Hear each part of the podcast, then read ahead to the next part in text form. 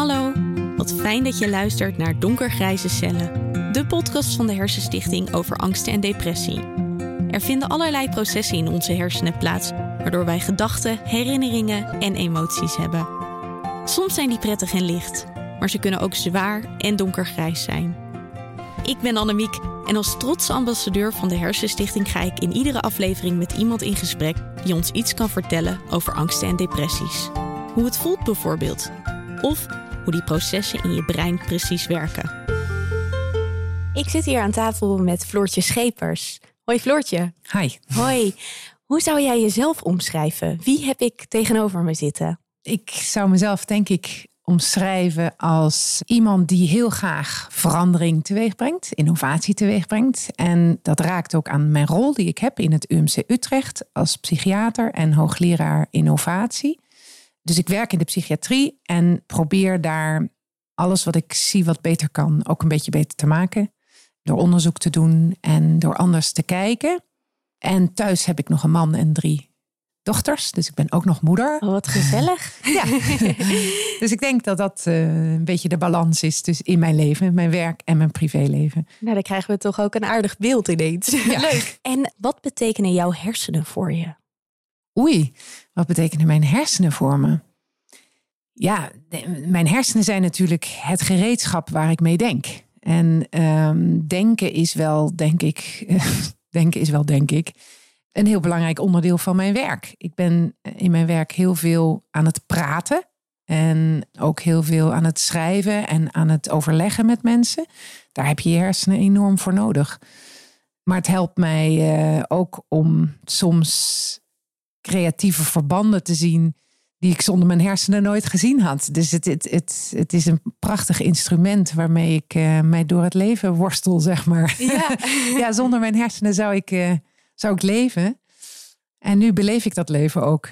Zo, oh. zo zijn mijn hersenen, denk ik. Ja. Dat is mooi gevonden. Nu beleef je het ook. Ik vind het ook leuk om te horen dat je de hersenen echt als een cadeautje ziet. Mm-hmm. Maar voor heel veel mensen is dat natuurlijk niet per se zo. Voor sommige mensen is het vooral een last. Mm. En daar hou jij je natuurlijk ook enorm mee bezig. Ja, ik hou me bezig met mensen waarbij er een disbalans is ontstaan. En ik weet niet of die mensen hun hersenen als last ervaren, maar wel de disbalans die in hun hersenen misschien voor een deel plaatsvindt. En, en hoe die disbalans ontstaat, dat kan door allerlei redenen komen, die niet per se in je hersenen hoeven te zitten, maar ook daarbuiten kunnen liggen. Maar het is natuurlijk heel erg vervelend als dat waarmee je vooruitkomt en na moet denken over het leven en keuzes moet maken, eh, dat gereedschap, als dat, als dat niet in balans is. Ik denk overigens dat bij alle mensen wel steeds een disbalans is, maar als die te groot wordt en je krijgt hem niet meer zelf onder controle. Hè? Of je krijgt hem niet meer zelf in evenwicht. Ja, dat is, dat is natuurlijk heel vervelend, absoluut. Dan kom je ook, ook soms bij de psychiater terecht. Ja, ja precies. Want zou jij vanuit je achtergrond als psychiater kunnen uitleggen wat er ongeveer in de hersenen gebeurt als er zo'n disbalans optreedt? Bijvoorbeeld als het gaat over angst of depressie. Ja, dat vind ik een ontzettend moeilijke vraag, omdat we dat eigenlijk niet zo goed weten. We hebben heel veel onderzoek gedaan met scans en met uh, allerlei andere apparaten en uh, door naar bloed te kijken en naar genen te kijken van mensen met depressieve klachten of angstklachten. En eigenlijk komt daar een heel diffuus beeld uit naar voren, waarbij het toch lijkt alsof het hebben van angst of het zijn van depressief of het, het, het zijn, ja, eigenlijk het, het somber zijn en het angstig zijn, dat dat niks geks is natuurlijk. Ieder mens kent angst en kent somberheid. Het gaat eigenlijk meer om de echte ontregeling daarvan. Dus waar we voorheen dachten, mensen met een depressie of een angststoornis zijn ziek in hun hoofd, mhm. denken we eigenlijk nu veel meer in, zeg maar, kwetsbaarheid. Dus ieder mens is kwetsbaar, maar sommige mensen zijn het wat meer dan anderen. En sommigen maken in hun leven ook meer mee wat disbalans kan veroorzaken. En als je dan zo'n optelsom hebt van en kwetsbaarder zijn dan gemiddeld en misschien dingen meemaken die je uit balans brengen, dan kan het zijn dat, dat je zo ontregeld, zo somber wordt, zo angstig, dat het niet meer lukt om dat zelf weer goed te krijgen. En zelfs niet met de mensen die je dierbaar zijn. En ik denk dus dat dat zoeken in die hersenen, wat is daar nou in de hand, aan de hand, dat dat oei, wel een hele ingewikkelde zoektocht is. Omdat er zoveel factoren een rol spelen en omdat het ook wel gaat om hele menselijke eigenschappen. En, en disbalans is altijd lastiger te onderzoeken dan iets wat echt defect is. En ik vind dat eigenlijk tegelijkertijd ook wel weer hoopvol. Want als je uitgaat van een defect, dan ga je ook van het, ervan uit dat het dat heel lastig zal zijn om het weer te maken. Terwijl als je uitgaat van disbalans, dan kun je er ook weer van uitgaan dat je die balans kunt herstellen. Met hulp, met, soms met medicijnen, soms met therapieën. Dat vind ik een hoopvollere boodschap dan uit te gaan van een defect in de hersenen. Vanuit de wetenschap weet ik dat je heel erg zoekende bent altijd naar patronen, naar je symptomen die herkenbaar zijn bij een groep mensen. Maar als ik jou zo hoor praten, dan denk ik, volgens mij ben jij ook heel erg bezig met het individu. Klopt dat? Ja, dat klopt helemaal. Ja, het is eigenlijk vergelijkbaar zou je kunnen zeggen met een vingerafdruk of een iris-scan van je oog. Als je naar grote groepen mensen kijkt, ja, dan ga je natuurlijk patronen zien die bij iedereen zo zijn. Hè? Iedere, ieder mens heeft een vingerafdruk waar zo'n zo'n bochtje in zit. Ieder mens heeft in zijn, ieren, of in zijn ogen een pupil en, en de kleur omheen. Maar als je gaat inzoomen en steeds dieper gaat inzoomen, dan kom je erachter dat eigenlijk voor ieder mens die vingerafdruk en die iris heel uniek is. En zo is het ook met hersenen. Die zijn zo uniek de netwerken die in die hersenen aangelegd zijn gedurende het leven op basis van de ervaringen die je opgedaan hebt, de dingen die je meemaakt, hoe je opgevoed wordt, de school waar je op gezeten hebt, je vriendjes, je vriendinnetjes vroeger, maar ook later nog de boeken die je leest, alles vormt als het ware die hersenen en maakt ze heel uniek. En wat ik het belangrijkste vind, in die hersenen zitten heel veel herinneringen en ervaringen opgeslagen die ook heel uniek zijn en eigenlijk alles weer kleuren wat je daarna beleeft en ervaart. Dus tuurlijk, op groepsniveau ga je dingen zien die hetzelfde zijn. Maar op individueel niveau verdwijnt dat eigenlijk. En wat betekent dat voor jou als wetenschapper? Dat is heel lastig. Dat is een heel lastig dilemma. En wij proberen wel op onze afdeling ook met allerlei nieuwere analysetechnieken en computermethodes ook te zoeken in de klinische data, klinische praktijk van wat vertelt ons die praktijk nou? En we proberen ook met individuen te monitoren in de tijd en dan te kijken wat is nou voor dit individu een, een stressfactor of hoe reageert dit individu op bepaalde omstandigheden en kunnen we dan iets met die kennis? En tegelijkertijd proberen we ook weer in die grote groepen te zoeken naar overeenkomsten, maar dan wel wat meer proberen we dat te doen in de hele complexiteit waarin mensen zich begeven. Het is ontzettend lastig. En toch denk ik dat de nieuwe wetenschap meer dat ploeteren en zoeken is. En dat je daar ook samen met patiënten of mensen die het ervaren over het gesprek moet aangaan. Dus voor jou is ervaringsdeskundig perspectief ontzettend belangrijk. Heel erg. Ja. En, en gek genoeg, juist in wetenschap. Terwijl je zo denkt, ja, wetenschap is zoiets ingewikkelds. Daar moet je zo veel voor snappen van statistiek of zo. En toch denk ik juist in de psychiatrie ook weer dat we die ervaringen van mensen nodig hebben om überhaupt de goede vragen te stellen en te snappen waar we naar moeten zoeken. Dus ik wil dat heel graag, dat veel meer in co-creatie gaan doen. Onderzoekers met patiënten en professionals samen. En je hoopt natuurlijk dat alles wat, waar jij mee bezig bent qua onderzoek, dat dat uiteindelijk iets gaat betekenen voor de verbetering van de zorg, toch? Ja, zeker. En, en zijn er nu al dingen waarvan jij zegt, nou, uh, hier zijn we heel druk mee bezig geweest de afgelopen jaren en dat heeft dit en dat betekend voor de zorg concreet? Ja, we zijn bijvoorbeeld aan het kijken of we kunnen voorspellen welke mensen nou reageren op bepaalde antidepressiva. Omdat we weten dat dat in trials wordt dat onderzocht en dan worden de mensen met een depressie vergeleken met mensen zonder depressie. En dan wordt er binnen de depressiegroep een pil gegeven of een placebo gegeven. En dan kijken ze of die pil effectief is. Als voorbeeld. Hè? En wij weten dat in de praktijk niet al die mensen met een depressie op die pil gaan reageren. En we weten eigenlijk niet zo goed waarom de een daar wel op reageert en de ander niet. En we denken dat er heel veel factoren een rol spelen die misschien losstaan van die depressie. Bijvoorbeeld wat je eet, of hoe goed je slaapt, of welke andere medicijnen je gebruikt, of hoe goed je lever werkt, of, of je geslacht, hè, of je man of vrouw bent. Dat heeft allemaal invloed op het effect van die medicijnen. Dus we zoeken eigenlijk in de klinische data naar patronen die ons kunnen voorspellen, kunnen laten zien welke persoon heeft nou het meest baat bij welke type interventie. En dan hopen we dus ook mensen een aantal interventies te besparen die geen effect gaan hebben. Waardoor mensen soms hele lange trajecten doorlopen. En dat, dat is gewoon zonde. Dat zijn allemaal stappen die je kunt overslaan als je van tevoren al weet dat het toch niet gaat werken. Absoluut. En wat jij vertelt klinkt ook breder dan puur psychiatrie. Want voor de luisteraar, misschien is het goed om even uit te leggen wat nou precies het verschil is tussen psychiatrie en psychologie. Oei, dat is ook een hele lastige vraag. Het is altijd met elkaar verweven en verbonden natuurlijk. Ja, en als je je er makkelijk van af wil maken, dan zeg je psychiaters mogen pillen voorschrijven en psychologen mogen dat niet. Ik denk dat het verschil er maar vooral in zit in wat je achtergrond is van je opleiding en welk perspectief je dus op de mens hebt. En dat een psychiater meer vanuit het medisch perspectief kijkt en een psycholoog wat meer vanuit het mensperspectief. Alleen de vraag is of dat los van elkaar kan. Dus eigenlijk heb je ze allebei nodig om die perspectieven weer te mixen. En natuurlijk ook het ervaringsperspectief daaraan toe te voegen. Ik uh, wil eventjes terug naar jou als persoon. Ja. Um, kan jij je nou echt voorstellen hoe het is om bijvoorbeeld depressief of angstig te zijn? Oh, dat is een hele goede vraag. Ik weet wat het is om angstig te zijn. Ik weet wat het is om somber te zijn. Dat ben ik geweest in mijn leven, momenten genoeg. Maar ik denk dat het heel erg lastig is om je voor te stellen hoe het voelt als je er geen vertrouwen meer in kunt hebben dat dat weer overgaat.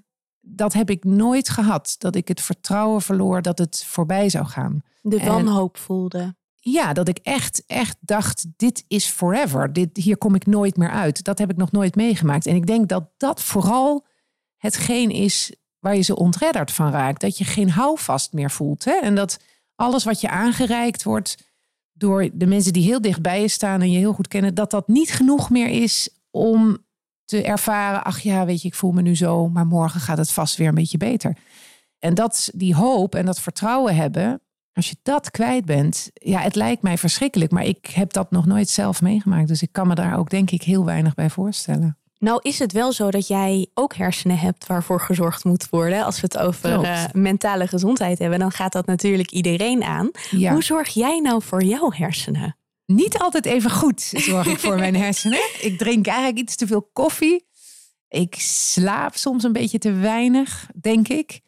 En ik sport veel te weinig. Dat zou ik echt meer moeten doen. Ik heb wel een periode hard gelopen, maar het lukt me niet meer. Ik heb jarenlang mindfulness en yoga gedaan. En ben ik ook op een gegeven moment mee opgehouden. Het lukt me niet meer om het wekelijks netjes vol te houden. Vanwege drukte? Ja, vanwege dat ik het toch dan te druk heb. Ja. En dan ben ik blij dat als ik thuis ben dat ik even niks hoef. En ik kreeg gewoon stress van het naar de yoga moeten. Toen dacht ik, dat kan niet de bedoeling zijn. uh, dus uh, ja, nee, ik zou, zou beter voor mijn hersenen moeten zorgen, denk ik. Ik heb natuurlijk ook veel geluk, denk ik, in mijn leven. Ik heb drie gezonde kinderen en ik heb een fijne relatie. En dat dat is ook heel gezond voor je hersenen. Dat je daar weinig stress over hebt. Dat helpt mij natuurlijk. En uh, daar prijs ik me heel gelukkig mee. Zou je ook zeggen dat externe factoren een hele grote invloed hebben op het krijgen of misschien wel voorkomen van depressie en angsten? Ja, ik denk dat, dat externe factoren absoluut een rol spelen. Als je tegenslag hebt in het leven. En ik denk vooral, want dat, we hebben ook een project dat heet de Verhalenbank psychiatrie verhalenbank. Daar kunnen mensen hun verhaal doneren. Zijn ook vaak mensen met een depressie of een angststoornis die daar hun verhaal doneren. En wat we uit die verhalen naar boven zien komen, is toch dat heel veel mensen een periode in hun leven hebben meegemaakt waarin ze zich buitengesloten voelden, niet meer onderdeel voelden van, van de samenleving of van de groep of van uh, nou ja, wat dan ook. Buitengesloten uit de familie. Eh, of op een andere manier zich geïsoleerd hebben gevoeld. En ik denk dat dat voor mensen die heel erg afhankelijk zijn van de interacties die ze met andere mensen hebben, ontzettend heftig is als zoiets gebeurt.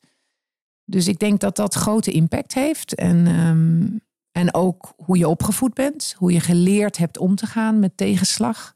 Of je het gevoel hebt gehad dat je het altijd goed moet doen om mee, mee te tellen, of dat je mag falen. Ik denk dat dat ook een rol speelt.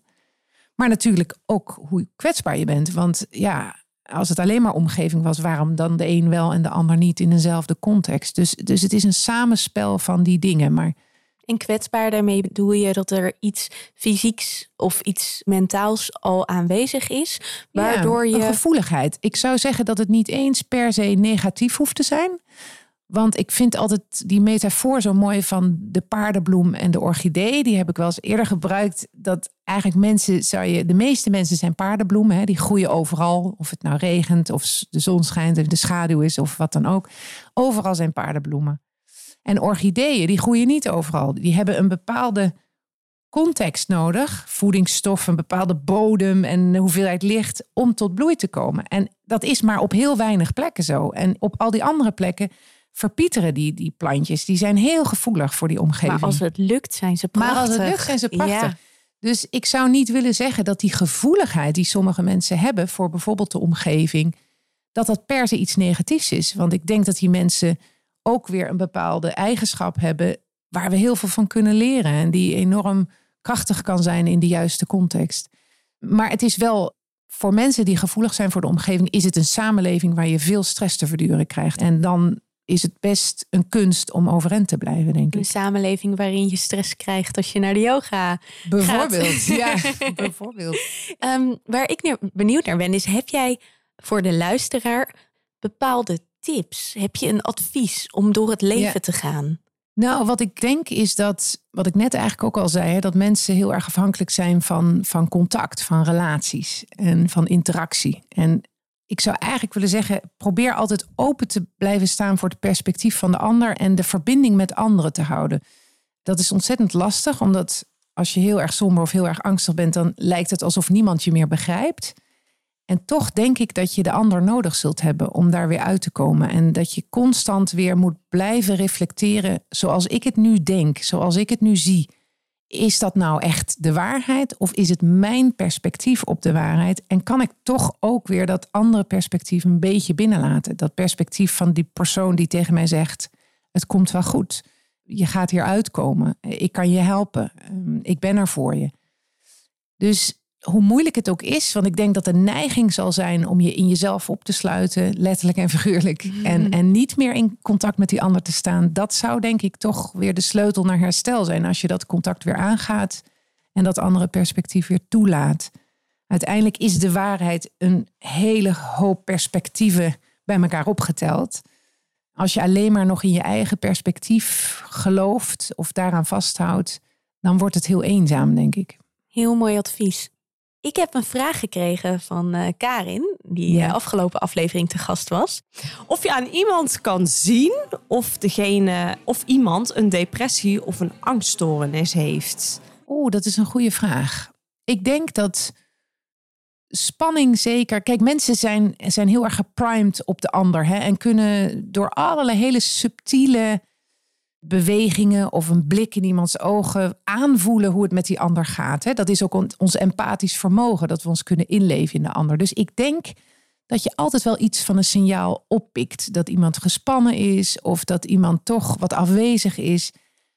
Maar het is natuurlijk niet zichtbaar in de zin van daar zit gips omheen of iemand loopt scheef of kijkt raar.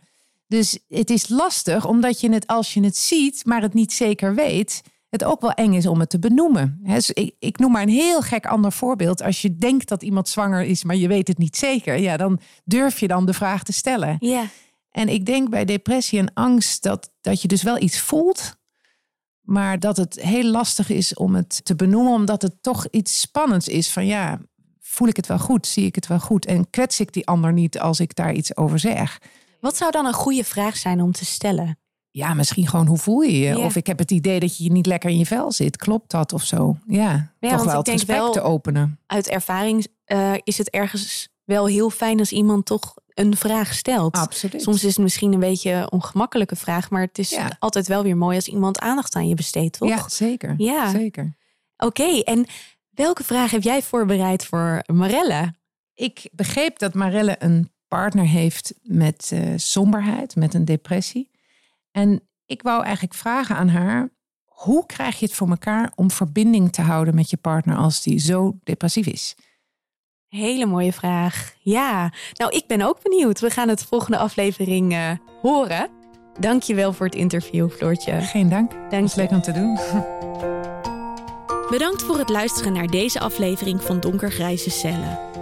De Hersenstichting investeert in hersenonderzoek, geeft voorlichting en zet zich in om de patiëntenzorg te verbeteren.